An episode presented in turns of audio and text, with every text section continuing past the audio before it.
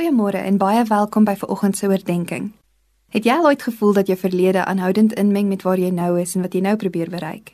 Dit is dalk op klein maniere. Jy en jou man het verskillend groot geword en nou vroeg julle oor hoe julle eie gesin nou moet funksioneer.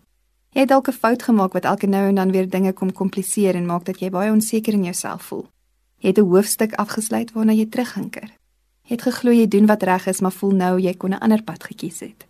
Daar is natuurlik iets te sê oor die waarde van onthou, tog besef ons dat ons ook vasgevang kan word in dit wat was, tot so 'n mate dat ons nie gesond funksioneer in vandag se realiteit nie.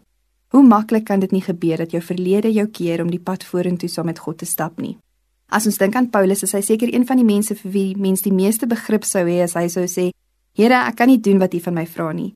Waar ek vandaan kom en wat ek gedoen het, maak dit onmoontlik." Hy het aanvanklik geglo dat hy getrou is aan God deur die sogenaamde valse profeet se volgelinge uit te roei. Hy kon nie dink dat die Messias wat beloof is, die gekruisigde Jesus is nie.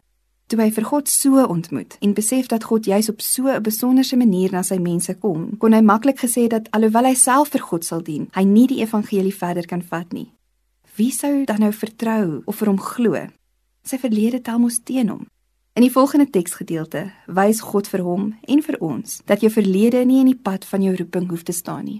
Ek lees uit Handelinge 9 vers 1 tot 6 en vers 18 tot 20. Intussen het Saulus soos 'n besetene voorgegaan om die volgelinge van die Here met die dood te dreig. Toe hy op reis naby Damaskus kom, het daar skielik 'n lig uit die hemel op hom gestraal. Hy het op die grond neergeval en 'n stem vir hom hoor sê: "Saul, Saul, waarom vervolg jy my?" "Wie is U, Here?" vra hy toe. Ek is Jesus, antwoord hy. Dit is vir my wat jy vervolg. Maar staan op en gaan na die stad toe. Daar sal vir jou gesê word wat jy moet doen. Onmiddellik het daar iets so skille van Saulus se oë afgeval en hy kon weer sien. Toe het hy opgestaan en hy is gedoop en hy het geëet en sy kragte herwin. Saulus het 'n paar dae daar by die gelowiges in Damaskus gebly en dadelik in die sinagoges begin verkondig dat Jesus die seun van God is. God kom ontmoet hom waar hy is. Met die verlede wat hy het, nooi hy hom na sy nuwe identiteit. Hy word onmiddellik ingetrek in 'n nuwe realiteit. God lei hom om sy vorige hoofstuk af te sluit.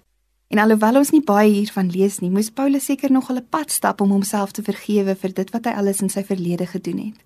Tog lei God hom tot genesing tot so 'n mate dat hy een van die geestelike leiers van die vroeë kerk kan word. God nooi ook vir jou om saam met hom die volgende tree aan te durf en nie toe te laat dat jou foute of vorige ervarings jou keer om die pad saam met God te stap nie. Kom ons bid saam.